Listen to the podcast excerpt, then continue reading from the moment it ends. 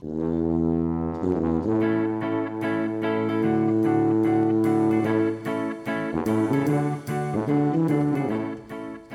sier vi velkommen vi til ei ny sending i Vekas utvalgte. Dagens gjest han har vunnet Landskappleiken, både i fele og dans. Han ble tildelt Spellemannsprisen i 1996. Og han har kombinert en hverdag som sauebonde med musikk. Både som utøvende og som lærer siden 80-tallet. Han er aktuell med ny plate, og i helga var han igjen sentral da Fjelljomfestivalen ble arrangert for åttende gang. Velkommen til deg, Arne Sølberg. Ja, takk for det. Ja, vi får si velblåst eh, festival. Hvordan vil du oppsummere årets utgave? Ja, det var kanskje den eh, festivalen vi har vi, vi, har lagt inn mest uh, konserter, og vi har spredt oss litt inngående. Starta i Oppstryn og avslutta i Ålesund. Og så hadde vi lagd en ut med oss da. Og det var ganske bra frammøte på konsertene. Litt verre å få folk med på kursa etter hvert. Jeg vet ikke hva som gjør det. Vi prøvde oss denne gangen med, med korte kurs, inspirasjonskurs. Bare på sånn to og en halv times. Så vi får nå vurdere det og se. Og så savner vi kanskje òg litt, uh, litt, yngre folk på konsertene. Der, der er jo masse unge folk på scenen. så ja. skulle tro at jamaldringene ville komme og høre på dem. Så det, det er litt uh, spekulerer på kreftene. Og kanskje òg litt uh, lokalt bygda folk uh, skulle vi gjerne sett mye mer av. For det er mye dyktige folk dere hanker inn til å ja, holde konserter og kurs, har jeg skjønt? Ja da, vi uh, hele tida så har vi henta ifra øverste hilje, vi. Landskapsleiksvinnere og, og toppmusikere, faktisk i verdensklasse, med Håvard Svensrud og, og Svein Haugen denne gangen her, som har vært solo-kontrabassist i Oslo Filharmonisk i 38 år. Han hadde forrykende soloopptreden på konserten lørdag. Dette kunne vært kjekt for mange andre å være opplevd òg. Men jeg tror ikke alle er klar over hva de uh, går glipp av da. Nei, er det rett og slett at uh, jeg skulle si, vi vanlige folk vi, vi kjenner sjangeren for dårlig. Vi vet ikke hvor dyktige de er. og Det handler litt om kunnskap. Ja, vi har nå lurt på om vi er for dårlige på PR, men denne gangen har vi virkelig lagt oss i selen. Og, og fjordingene har vært fantastisk flinke til å ta inn førehandsmeldinger som jeg har sendt. og vi vi kom enda til på direktesending på NRK Sogn og Fjordane i førkant. Så eh, i år tykte jeg PR-en var, var, veldig bra. Men, men, eh, og kanskje var det som gjorde at det var litt mer folk på lørdagskvelden enn vi har hatt før. Men hvis vi ser på folkemusikken i et litt uh, større bilde, Arne, hvordan vil du si det står til i det store og hele? Ja, vi har ganske mm, høyt nivå på på de unge folkemusikerne i dag. Jeg var dommer på Landskapsleiken i år, og det er et uhyre høyt nivå. Men på dans, rekruttering i, dans, der uh, tykker jeg vi, vi er kommet litt bakom i hele landet. Og det er ikke noe vits å holde på å lære disse her danseslottene og spille dem for fullt trykk hvis ikke en har, har et føremål om å spille til dansere. Så jeg tror, eh, jeg tror, kanskje ja, det offentlige og kulturskolene og alle må legge seg i selen og, og, og, slå et slag for den norske dansetradisjonen. Mm. Og der har jo du og kona di Jon Asbjørg virkelig lagt ned et stort arbeid gjennom mange år. Det har vel passert 40 år med barneleikering i ungdomslaget og eh, ja. Ja da, og det, det, har vært til glede for oss òg. Å se disse her eh, unge etter hvert når de, de gjør dansen til sin egen, når de danser, springer, uh, slipper seg ordentlig løs. Det er stor glede for oss. Vi liker, liker forresten ikke ordet barneleikering, så vi kaller det dansegrupper. For de, de, er faktisk med her uh, og danser til de må reise vekk på videre utdanning. Så vi har hatt uh, ungdom som er der og danser til de er ferdige med videregående. Og de, og, de, og de, er jo føredømme for disse her yngre. Ja, Det var et barneleikering. Det var i gamle dager når jeg var med. ja, det var det. Det var da vi kalte det det. ja. Eh, målet med sendinga Arne, det er å bli litt bedre kjent. og jeg tenkte Vi får nå begynne litt med begynnelsen og et spørsmål. Eh, så jeg tenkte vi kunne starte med det. rett og slett. Hvordan denne interessen din for ja, kanskje særlig felespill, men folkemusikk generelt, hvordan husker du hvor det oppsto? Nei, det er nok mye tilfeldighet. og Jeg har tenkt på det sjøl. Jeg tror noe av det første hardingfilespillet jeg hadde, var vel han Jo Blakseth og Samuel som spilte ned i ungdomshusa på 17. mai. og Hvor gammel jeg kunne være da, det er jeg ikke sikker på. Og Noe av mitt aller første uh, musikkminne var òg han besten som tok meg i handa en søndag og, og, og, tok meg med på tur inn på Gjeldhøyen, der han Andreas bodde. og Han var veldig flink til å lage seljefløyte. Vi kom inn i gongen i Stavendal, så hadde han vassdampen, for han, han, han hadde ikke innlagt vann. Og oppi den vasstynja ute i Gonja, der sto det flere seljefløyter, nylaga, som han hadde laga. Og han besten sa nå må nå spille litt til denne her lille gutten. Og um, Ellers så uh, var det yngstebroren min, han Ida, da, så fikk ei fele med Malvin Sølberg, felemakeren. Han har laga ei lita fele, så han rett og slett ga vekk til noe Idar. Og den var det jeg stal og begynte å spille på. Hvor, hvor, gammel var du da, tror du? Nei, da var, Jeg var ikke så helt unge Da, da var jeg vel uh, rundt elleve år eller noe slikt. Og så har Leif, eldrebror, han kjøpte ei, ei fele i full størrelse. Ei skikkelig god fele med noe Malvin. Og uh, så begynner jeg å stjele den òg. Så uh, begge disse karene de ga nå opp hele filspillet. jeg, tror, jeg tror kanskje jeg var, var heldig som hadde litt uh, litt tålmod, men jeg, jeg måtte nok ha fått en kveik til å, virkelig gå inn for dette. Der, og jeg kan nok takke noe Malvin, for det, han ga meg litt rettledning. Og så ble jeg med i spellemannslaget fra aller første stund, siden det var skjepa. Ja, Så Fjelljom det eksisterte når du vokste opp? Ja, det ble skipa da like etter at jeg eh, begynte å spille. Og Samuel Berseth var jo den sjølskrivne lederen, og, og, han var ikke tålmodig til å holde på å terpe opp igjen slåtta og spille dem seint, så jeg måtte bare eh, se til å henge på på øvingene. Og det var alltid øving på søndager i ungdomshuset ut med oss, og ofte i Blakset, for han, Jo Blakset han styrte nå med ungdomshuset der. og og var førmann i, i laget. Nei, det var ei en fin tid. og Jeg bruker å si at mine ungdomskamerater de var 60 år eldre enn jeg. Og jeg fikk en kommentar en gang at du vil være i lag med disse der gamle kaljene. Men jeg har sagt det siden at skulle jeg noen gang ha sjanse til å få være i lag med, med dem, så måtte jeg gjøre det da. Nå kan jeg være i lag med jevnaldringene mine. ja. men, men, eh, et visst musikktalent må da være løye i bunnen òg. Er du fra en familie, en slekt med musikalske røtter? Ja, og jeg tror nok der ligger musikalitet. Eh, ingen, eh, ikke han far, ikke han besten spilte fele, men, men han far var med i mannskoret, og han var, var veldig interessert i, i felespill og, og god danser. Så det musikalske lå der. Og eldstebroren min han uh, spilte både gitar og trekkspill. Og han onkel Vebjørn han spilte trekkspill. Så jeg har vel sagt at hvis jeg ikke hadde kommet fram i felespill, så hadde det sikkert blitt trekkspill. Heldigvis uh, tror jeg, for si så ble det fele, for jeg tror ikke jeg har lange nok fingre og sånn til å, å rekke over så mye på, på trekkspill. Og, og så er det noe forferdelig tungt å bære på. ja, Lettere å bære ei fele og ei fløyte. Ja. Men eh, ja, du nevner jo Fjelljom og øvinga der, men vil du si at du i stor grad eh, var sjøllært, eller eh, har du skulert deg òg?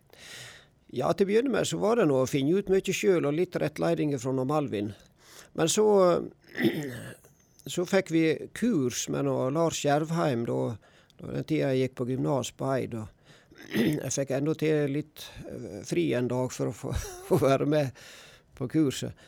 Og vi hadde kurs med Finn Vabø, som kom fra Bergen og var elev av Jon Rosenlid. Men disse kursene gikk ut på å lære slåtta. Så teknisk så hadde jeg forskjellig som jeg ikke fikk uh, skikkelig opplæring i før jeg kom til, til Voss på folkehøgskole gikk på musikklinja, og, og, da skulle jeg få timer med sjølveste Sigbjørn Bernhoft Osa. Oi. Men han var nå vekke på turné, og det, det var og det rakk. De hadde ikke fått ordna noen avtale.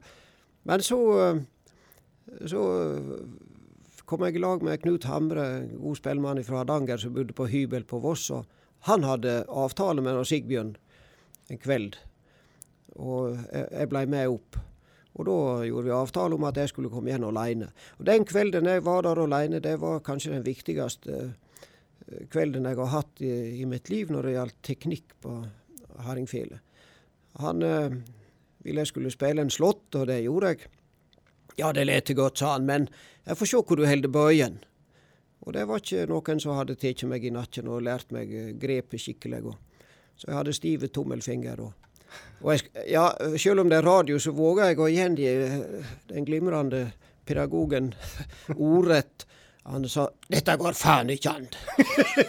det var klart alle, ja. Og så la vi vekk felene og begynte med, med øvelser med bøyen og, og fram med fela og stryke.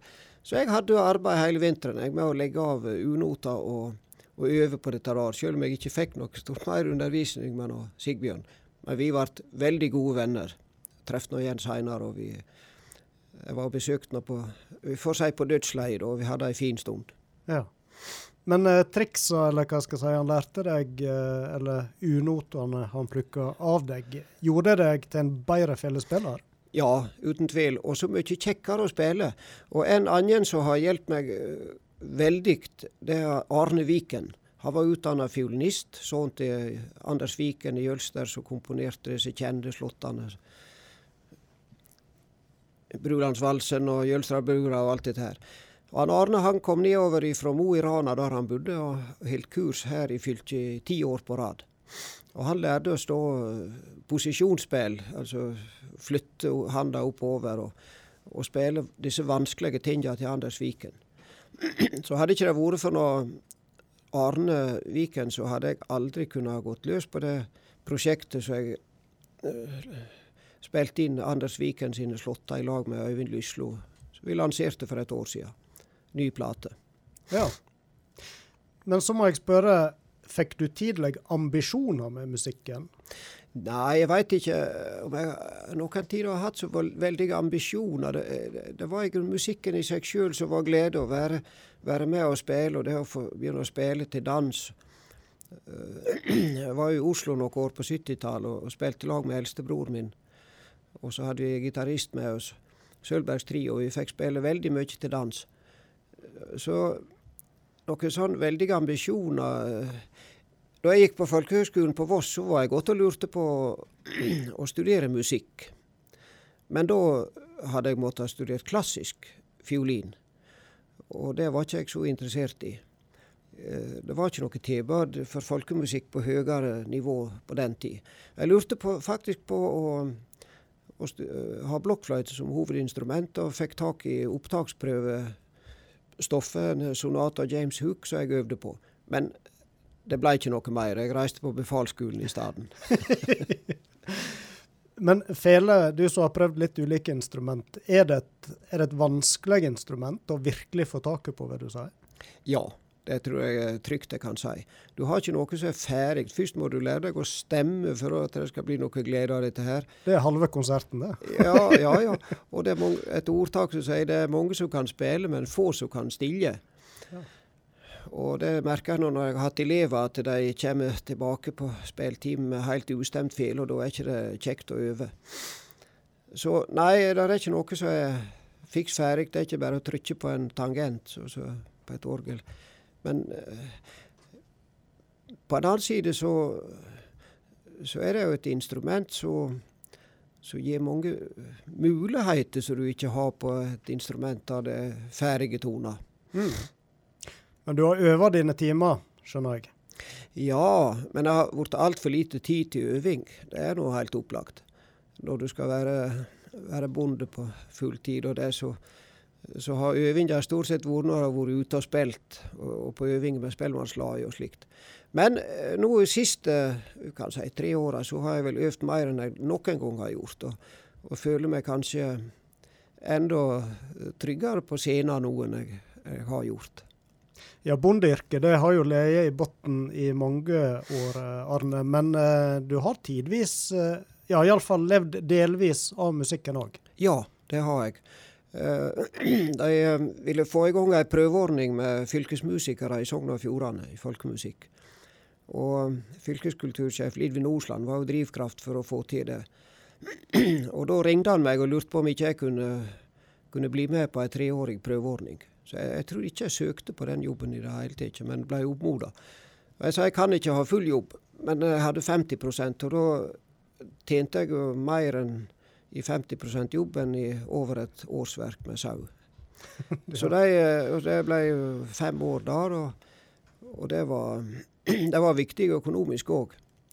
På ei tid da jeg holdt på å bygge opp både hus og fjøs og forskjellig.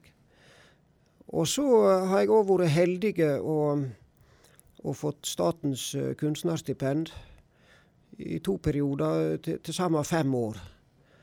Og det var, det var veldig god, god betaling. Det skulle tilsvare halv, halv stilling, det òg. Men det har aldri frista deg å leve fullt og helt, altså 100% som musiker?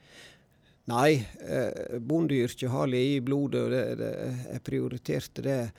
Jeg var bøden full jobb som fylkesmusiker i 100% stilling da prøveordninga var over. og jeg talte på knappene, men da sendte jeg eh, brev til fylkeskultursjefen, som da var Jostein Bye, at eh, tvilen har tevla, sauen har sigra. Bonde vert mitt yrke, men fela vi er dyrke. og eh, seinere så sa hun Asbjørg at Jan Arne han eh, er ute og spiller akkurat som han har gjort, det er bare at nå tjener ikke han så mye på det. Men jeg har òg hatt, uh, hatt, masse frilansoppdrag. Og Hotell Alexandra har vært veldig flinke til å, å bruke folkemusikken og folkedansen. Så hver sommer så har jeg hatt jobb med å spille for danserne og, og prate på, på strydengelsk og bonde, bondeengelsk, som jeg sier. Ja, ja, ja. Og så snakker en jo ofte om dette med attåtnæring i landbruket, og da har vel dette vært viktig for deg? Ja da, det har det absolutt. Så um, Første året jeg var hjemme, vi flytta hjem igjen i 79, da var jeg omtrent ikke vekke på noe betalte oppdrag. Jeg hadde i grunnen ikke tida. Det var husbygging, og det var dyrking og veibygging og forskjellig. Men nå er det vel uh sønnen din, han Elling, som for så vidt eh, Ja, han har tatt over ja. gården, og du får lov å være litt drenga, jeg skjønt, og tar litt nattevakt i lambinga, og var vel ute på sauesanking senest i går? Ja da. Ja, jeg er så glad for at, uh, Elling og Ingrid har overtatt gården. For jeg ser så mange i min situasjon som må, må se at neste generasjon ikke vil.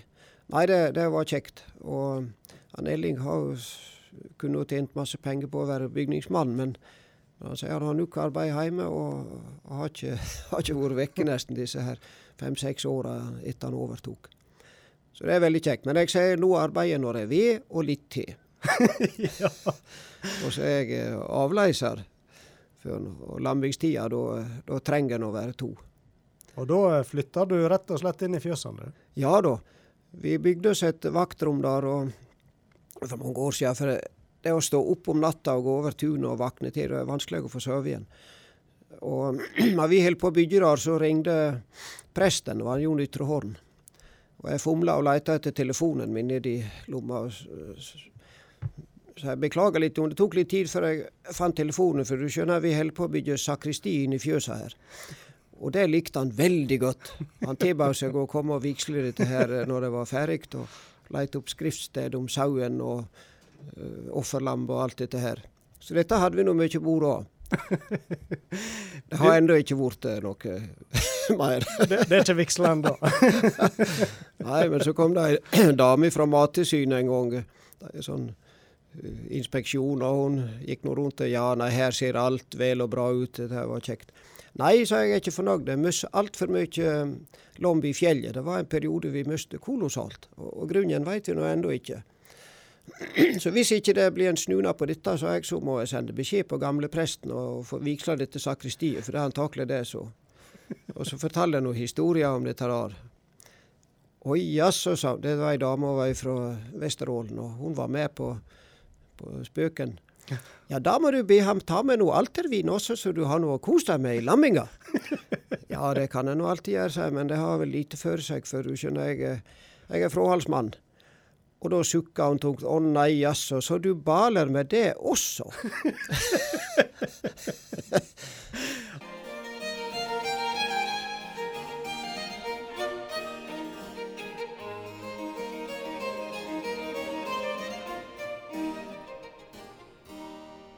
Det var Andrew Mancy, og da er vel vi litt i barokkens verden? Ja da, jeg tror det året på musikklinja på Voss høgskole det åpna øynene for, for, for uh, veldig flott musikk i mange sjangre. Jeg, jeg har alltid vært begeistra for barokkmusikken, og Händel spesielt. Vi spilte jo Händel på blokkfløyte, i blokkfløyteorkester der nede den gangen. Og Eh, så var jeg, var jeg, i Oslo en gang, eh, oppdrag for Moods of Norway. og Da så jeg at Andrew Mancy skulle være i eh, den gamle losjen og holde konsert seint kvelden. Og ferdig med Moods-oppdraget, så sprang vi Asbjørg var med, og, i gamle losjen og, og, fikk oppleve Andrew Mancy. Han har vært i Norge flere ganger og spilt. Engelsk barokkfiolinist. Av de fremste i verden. Så sto jeg der etterpå prata med noen folk i salen. Og da kom det bort en fra orkesteret eh, og lurte på om jeg var deltaker på, på denne her kammermusikkfestivalen. Nei, sa jeg, jeg er folkemusiker og har hatt et oppdrag. Og da ble han veldig oppi det. For han, var, han ville se fela, om det var hardingfela. Hadde nettopp vært i Hardanger og sett på Jåstadfela, den eldste hardingfela. Og jeg hadde ei liggende på trollstilt, og han klimpra. 'Oi, tro trolltuning', sa han. og så vinka han bort. Maestroen, Andrew Mancy, måtte komme bort her og hilse på spellemannen. så, yes. så, han som spilte nå, har jeg faktisk fått prata litt med. Og jeg har òg uh, tukla litt. Uh, tok musikkstudie halvårseining vinter, og, og, og, da sa jeg nå vil ikke jeg spille folkemusikk, nå vil jeg spille klassisk. Og til eksamen så spilte faktisk akkurat det som vi hører nå, da. Men ikke på, helt på det kvalitetsnivået, men det, det gikk noe skapelig. Jeg har ikke holdt ved like godt nok alt dette år. Er det mer krevende å spille enn uh, slåtter og springere og det du gjerne Ja, de vanlige slåttene, men jeg har hatt kolossal nytte av dette her når du skal spille Anders Viken, for han var klassisk fiolinist òg og komponerte noe så ubegripelig vanskelige ting. At skal du meistre det, så er du nødt til å, å meistre posisjonsspill og litt uh, klassisk teknikk. Så det har jeg hatt god nytte av. Arne, vi har snakka om um, ja, hvordan interessen for eh, folkemusikken vokste fram. og Du skulle jo på mange måter bli en voksen mann før du skal vi kalle det et, et gjennombrudd, da, når du gikk faktisk helt til topps på landskapsleiken. Da var vi kommet til 1989. og uh, Husker du det? Ja, det husker jeg godt. Jeg var, jeg var, det var første året jeg var tilsatt som fylkesmusiker da. I den prøveordninga. Og det kan hende gjorde til at uh, da fikk jeg spilt mye mer og var, var i bra form. Men uh, på kappleik så er det nå Det er tre dommere, og det er litt subjektive vurderinger og sånn, så de kunne vel ha, ha skitt både før og etter, hvis en er heldig med dommerne. men, eh, men, vil du si at det var et mål? Eh, Nei, jeg hadde vel ikke våga å drømme om at jeg skulle vinne landskapsleiken. Hvem du konkurrerte mot, var det noen kjente ja, navn? Eller ja da, de var med faktisk. Eh, mange av de aller, aller beste tidligere vinnere. Knut Kjøk og fra Lom, en av de store. Og det var litt artig. Nasjonen skrev at nå er det et generasjonsskifte, for nå, nå eh, Knut Kjøk var sleden på landskapsleik og en yngre. jeg lo godt, for det er bare et par år i forskjellig alder på oss. ja. Men eh, enda større var det vel gjerne det året du ble tildelt Spellemannsprisen? Jeg sier tildelt. Vinner en Spellemannsprisen, eller ja. Eh. Nei, det, det, er en jury som sitter der, fem, fem stykker som skal vurdere platene. Så det er, det er, litt subjektiv vurdering ute og går der òg. Men det er jo et, et bredt utvalg av folk som vurderer dette, her, så det, det var veldig kjekt. Og da hadde Spellemannprisen eksistert i 25 år. Men jeg var visst den første som fikk uh, Spellemannprisen i folkemusikk helt alene. Det har alltid vært gruppe eller flere solister som delte. Og da var det Nordfjordslåtta? Ja, det var det. Tittelen eh, på plata det var nå uh, plateselskapet Grappa som foreslo å sette på. Og det er jeg glad for i ettertid. Det ble en heder til Nordfjord. Ja. Du si det var et uh, høydepunkt i karrieren? Ja da, det, det, må vi si. Og jeg har hatt mange høydepunkt. Jeg har, har hatt et, et, rikt liv. Så uh, det å få Hilmar Aleksandersen sin musikkpris, det er ikke så mange år siden når de ringte og fortalte det, da, da må jeg si tårene kom.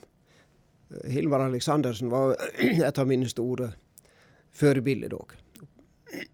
Ja, du blir rett og slett litt rørt der du sitter, Arne. Ja, når jeg tenker på Hilmar, så blir det Jeg var hjemme og besøkte han en gang i lag med Øyvind Lyslo. Det var siste året han levde. Og, og han uh, gamle karen på, på 90 år spilte som en ungdom. Aldeles utrolig. Ja. Hva, eh, hva kar var det, spellemann var dette? Nei, Han var eh, oppe i Trøndelag, oppe i Steinkjer, og, og spilte fele. Ja, av, av taterslekt. Han hadde vel egentlig levd av felespillet sitt hele sitt liv. Ja. og en humorist. God historie, det liker jo du òg. Ja, ja, ja, ja. Det liker jeg å samle på. Og jeg tykker òg det, det, å holde konserter det Eh, det hadde ikke vært det samme hvis ikke en hadde litt å fortelle. Historier rundt disse slottene. Jeg fikk en god kommentar en gang, eh, en jamaldring ute i Blaksetbygdene. Så, så sa det slik at jeg liker veldig godt å høre på deg Arne spille. Eh, særlig pratinga. ja. Og det, det merker jeg meg at det er viktig. Det. Absolutt. Nei, der er du god. Det er ikke tvil om. der òg. Nei, det har blitt mange utmerkinger. Jeg uh, måtte nå inn på å google litt, som vi sier, for å se litt alt du har fått av priser og utmerkinger. Og, og så overrasker det meg litt at du har faktisk vunnet landskapsleiken i dans òg. Lag med Asbjørg, kona di. Ja. Vi var nå forholdsvis eh, for si, i konkurransesammenheng litt gamle før vi begynte å delta. Og Asbjørg hadde vært med tidligere og dansa vestlandsspringer og gjort det veldig godt på Kappleika og den tid vi bodde i Oslo. Men Nordsjøspringeren med oss sto det, vi var nå vel rundt 50 år eh, da vi, vi eh, begynte å være med og dansa oss opp i A-klassen. Og første året vi var med i A-klassen, så var vi på premieutdelinga. og da leste jeg opp resultatet bakafra. Vi lurte på om de hadde glemt oss. da eh, var det to igjen, og vi var nummer to den gangen. Men så var det i 2004 inn i Eidfjord. Da òg sto vi og lurte på hva det hadde seg de ikke la oss opp. Eh, og helt til slutt så kom Og jeg må si at det var, det var kanskje større det å få, å få vinne landskapsleiken i lag med Asbjørg enn å gå fram alene og, og ta imot premien i, i spill. Ja. Og dere ble jo òg tildelt eh, eh, prisen for folkemusikk og folkedans eh, i 2021. Eh, du ja. og Asbjørg, eh, det òg var sikkert stas? Ja, det var, det var virkelig stort, altså. At, eh, jeg hadde fått en del priser før, men jeg tror ikke jeg tror ikke folk får klar over hvor mye Asbjørg har betydd for, for, dette her. og å, drive denne danseopplæringa. Og det, det, var så kjekt at, at hun fikk en sånn pris òg. Og så har det jo blitt ei rekke andre. Vi kan jo bare nevne Kulturprisen i Stryn i 94. Sogn og Fjordane Ungdomslag sin ærespris i 2000. Folkemusikkprisen for Sogn og Fjordane i 2006. Og kanskje ikke minst da Kongens fortjenstmedalje i sølv for innsatsen innen folkemusikk. Og, og, når vi nevner kongen, så føler jeg vi må nå ta med òg at du har jo komponert Kongeslåtten. Ja, ja, det var litt overraskende. Det. Kong Olav skulle feire 80-årsdagen sin, så, så, hadde landslaget for spellemenn og Norges Ungdomslag funnet ut at de i fellesskap måtte markere dette her. For det var, det var landsstevne i Norges Ungdomslag i Oslo akkurat samtidig. Så det var et svære bunadopptog. Og så og så ringte lederen for landslaget for spellemenn til meg ja, det var et år i forveien og lurte på om jeg kunne lage en ny slått. Og jeg var ikke noen slåttekomponist på den tid, men så jeg er nå en gap hvis jeg sier nei, så jeg skal prøve. og så ble jeg sittende oppe hele natta etter han hadde ringt, og, Og slåtten var for så vidt ferdig i løpet av natta. yes. ja. ja. Så nei, det var, det var, kjekt. Og Sigmund Eikås, han eh, tok på seg å lede dette her. Sto framfor 150 spillemenn på Slottsplassen. Men regnet fossa ned, så jeg har vel aldri spilt uh, på direktesending i fjernsynet på så ustemt fele noen gang. Men det jevna seg ut. Vi var mange. ja. Fikk han uh, kongen sjøl uh, med seg hvem som var komponisten? Skulle jeg si, Hørte du noe fra han? Noe? Nei, det, det veit ikke jeg. Han hadde jo hatt en takketale om kvelden og takka for disse her innslagene. Så det Sigbjørn Bernhoft Osa han var òg med og, og, spilte der. Ja. Og han hjalp nå flere rundt seg med å stemme fela, forsto jeg. Og noe seinere så var det en kappleik på Voss, og da da ropte han Sigbjørn ut om å alle som kunne spille Kongeslåtten, og fortalte litt om denne opplevelsen. Og der oppe på balkongen sto selveste kongen og slo ut med armen og ropte 'bravo'. Men alle visste nå at dette var ikke tilfeldig, for han hadde nå sett fjernsyn. Og ja, så tok han seg igjen og sa 'ja ja, det, det, det kunne han iallfall ha gjort'. der kom den gode historiefortelleren inn der òg, ja. ja. Men uh, det har jo blitt noen album òg opp eh, oppi gjennom. Og senest uh, sist fredag, da var du med og ga ut dobbelt-CD, faktisk. Musikk etter de gamle Bolstad-karene. Kan du fortelle litt hva type plate dette er? Ja, du vet, vi feirer nå her i Stryn så feirer vi nå Per Bolstad og Fagrestryn-Peren. Men det mange ikke er klar over, det er at faren hans, gamle Per Bolstad, han var jo en rettelig stor spellemann som vokste opp i, i Eldedala og lærte seg masse fellesspill med den eldste søstera si, som var 18-19 år eldre, blinde Siri. og kunne de gamle, det gamle spillet, springerne og dette her. Så reiste han en tur til, til Bergen og fikk høre Ole Bull. Han var PM Bolstad, som han ble kalt. Per Mathiassen Bolstad. Født i 1833. Og dette var på den tida Ole Bull starta teater i Bergen. Da fikk han nye impulser og fikk lært seg noter og fiolinteknikk, ikke direkte med Ole Bull, men i den stunda. Så etablerte han seg i Ålesund og ble en veldig ettertrakta uh, bryllupsspellemann, og mange reiste lange veier for å lære slåtta med han. Og folk herifra. Ola Roseth f.eks., god spellemann fra Blakstadbygda som bosetter seg i Oppstryn. Han var til, til PM Bolstad i Ålesund og, og lærte slåtta. Og noen av disse her slåttene har heldigvis uh, blitt bevarte på, på noteoppskrifter. Rolf Myklebust gjorde en fantastisk jobb der og skrev ned en del. Men dette har lidd dvale. Og nå fant jeg ut at det var på tide å, å blåse støv av disse her notene og få, få vite hvor, hvor det skal låte. Og Spellemannslaget spilte ti slåtter, og jeg spilte 15 slåtter i eh, duett med Håvard Svensrud, en av landets beste felespillere, nei, trekkspillere. Og Han driver òg plateselskapet Aksent, og han har vært så engasjert i dette her eh, prosjektet at det er en fryd. Det er en idealist.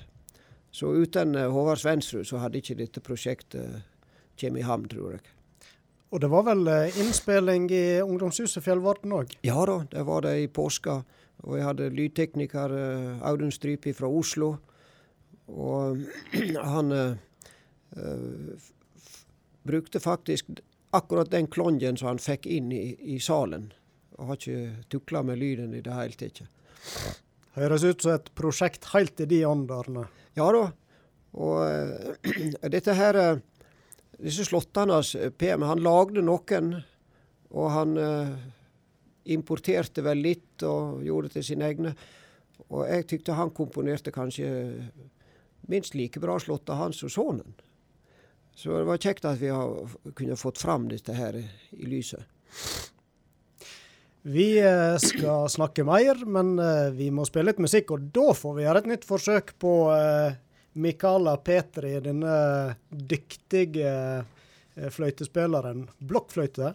Ja. ja. Jeg, jeg hørte henne i, i, radioen da jeg gikk på gymnas på Eid. Jeg tenker hun spilte i, i 69 eller noe slikt. Hun var vidunderbarn. Hun var bare sju år eller hva det var. og spilte noe utrolig.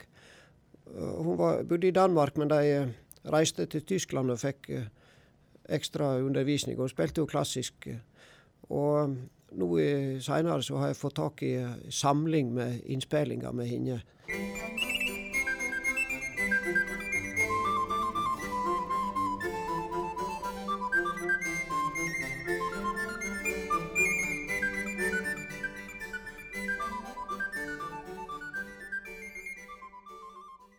Ja, du hører på Ukas utvalgte, og gjest i dag det er Arne Sølberg. Ja, dette her det var noe annet blokkfløytespill enn det vi drev med i barneskolen. Ja, du hørte. Nei, den som kunne ha spilt slik. Jeg, jeg, jeg, tror jeg sa litt feil tidligere i programmet. Jeg, har fire, fire CD-er. Det vi har nå, det var fra Vivaldi sin en konsert i C-dur for blokkfløyte. Du har vært på konsert med henne? Ja visst har jeg det. Etter vi flytta hjem igjen her, og det var eh, en eller annen gang tidlig på 80-tallet, så så jeg at hun var på turné her. Og skulle ha konsert i Førde og på Nordfjordeid. Den eh, dagen på Eid hadde ikke jeg anledning å reise. så jeg jeg ringte til min gode venn Magne Dragesæter og lurte på blir du med på en tur til Førde og høre på blokkfløytekonsert. Ja da, det ville han gjerne. Han òg likte godt blokkfløyte.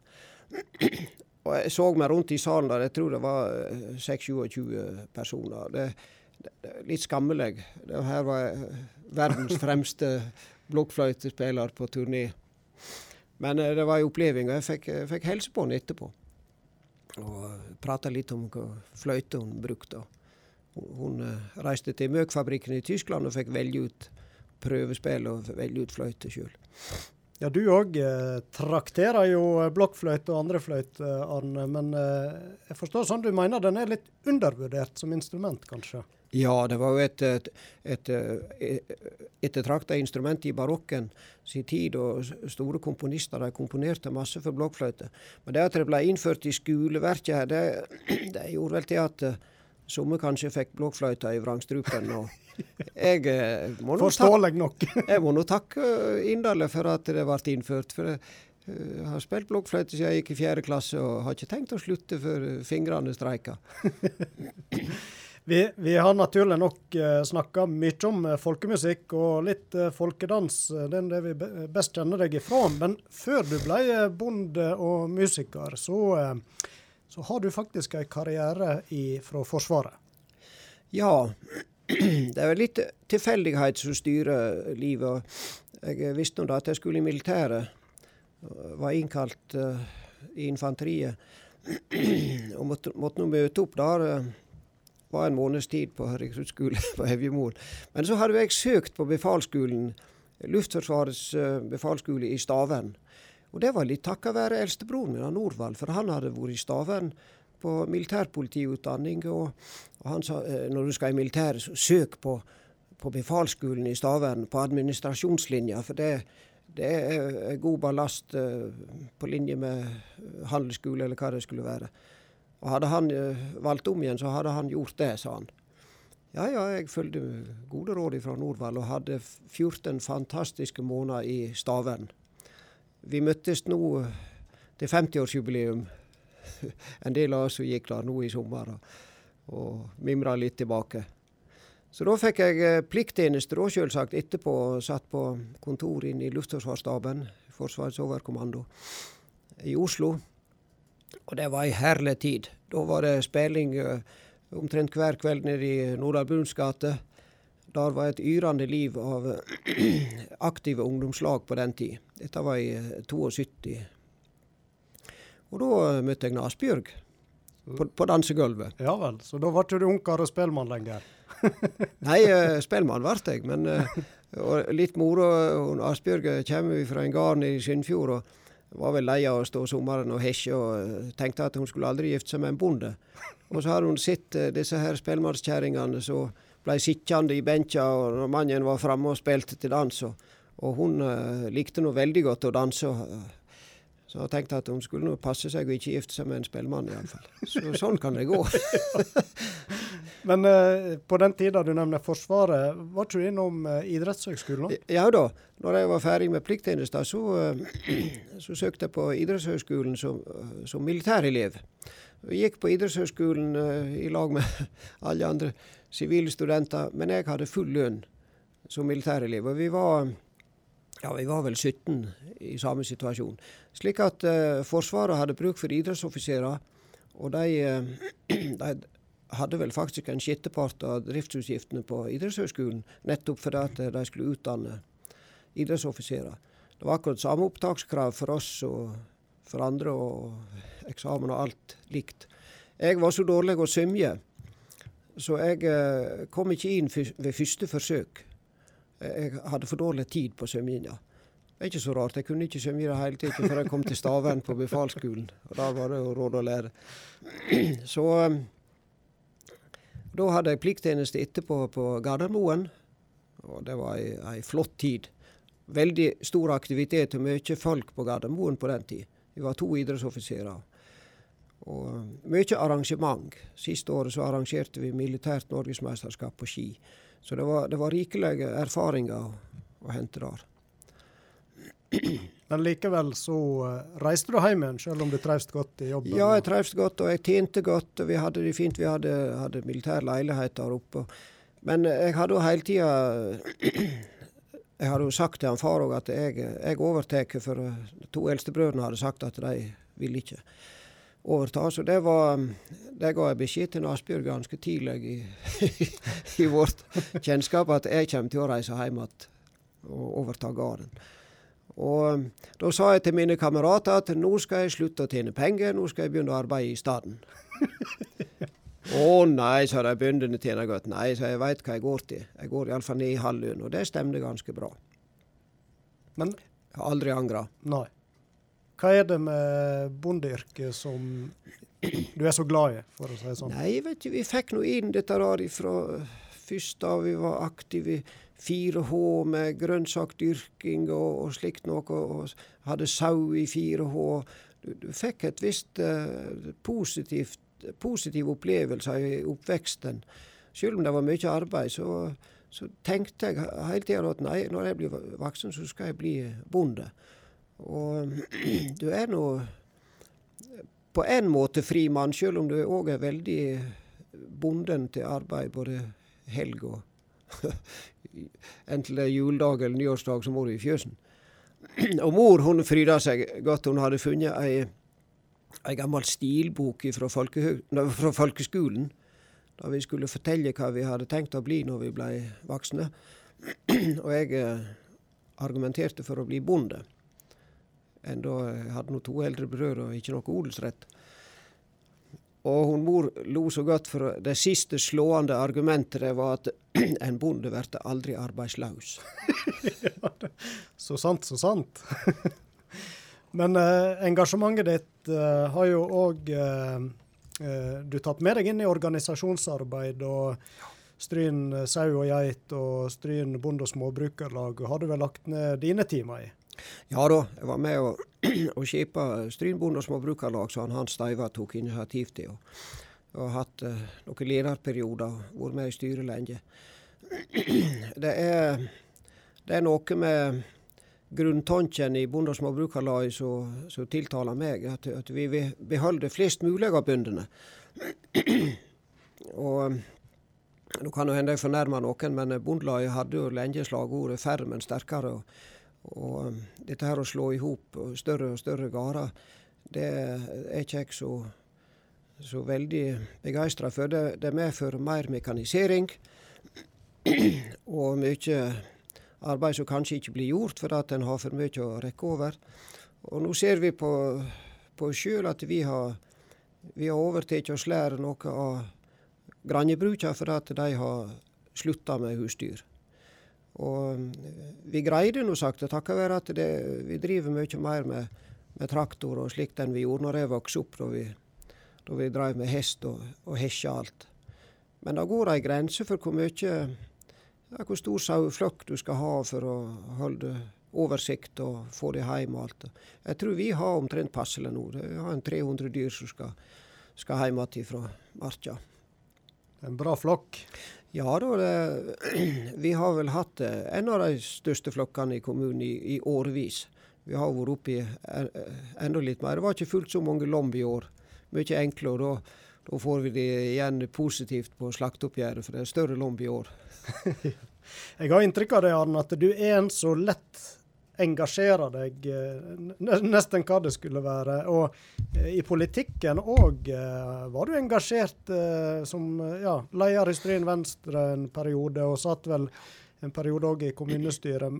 Men nå har jeg skjønt du har meldt deg ut fra Venstre? Ja, jeg har det, og det var for så vidt med litt tungt i hjertet. Men jeg, jeg syns kanskje partiet gikk veier som ikke passet meg.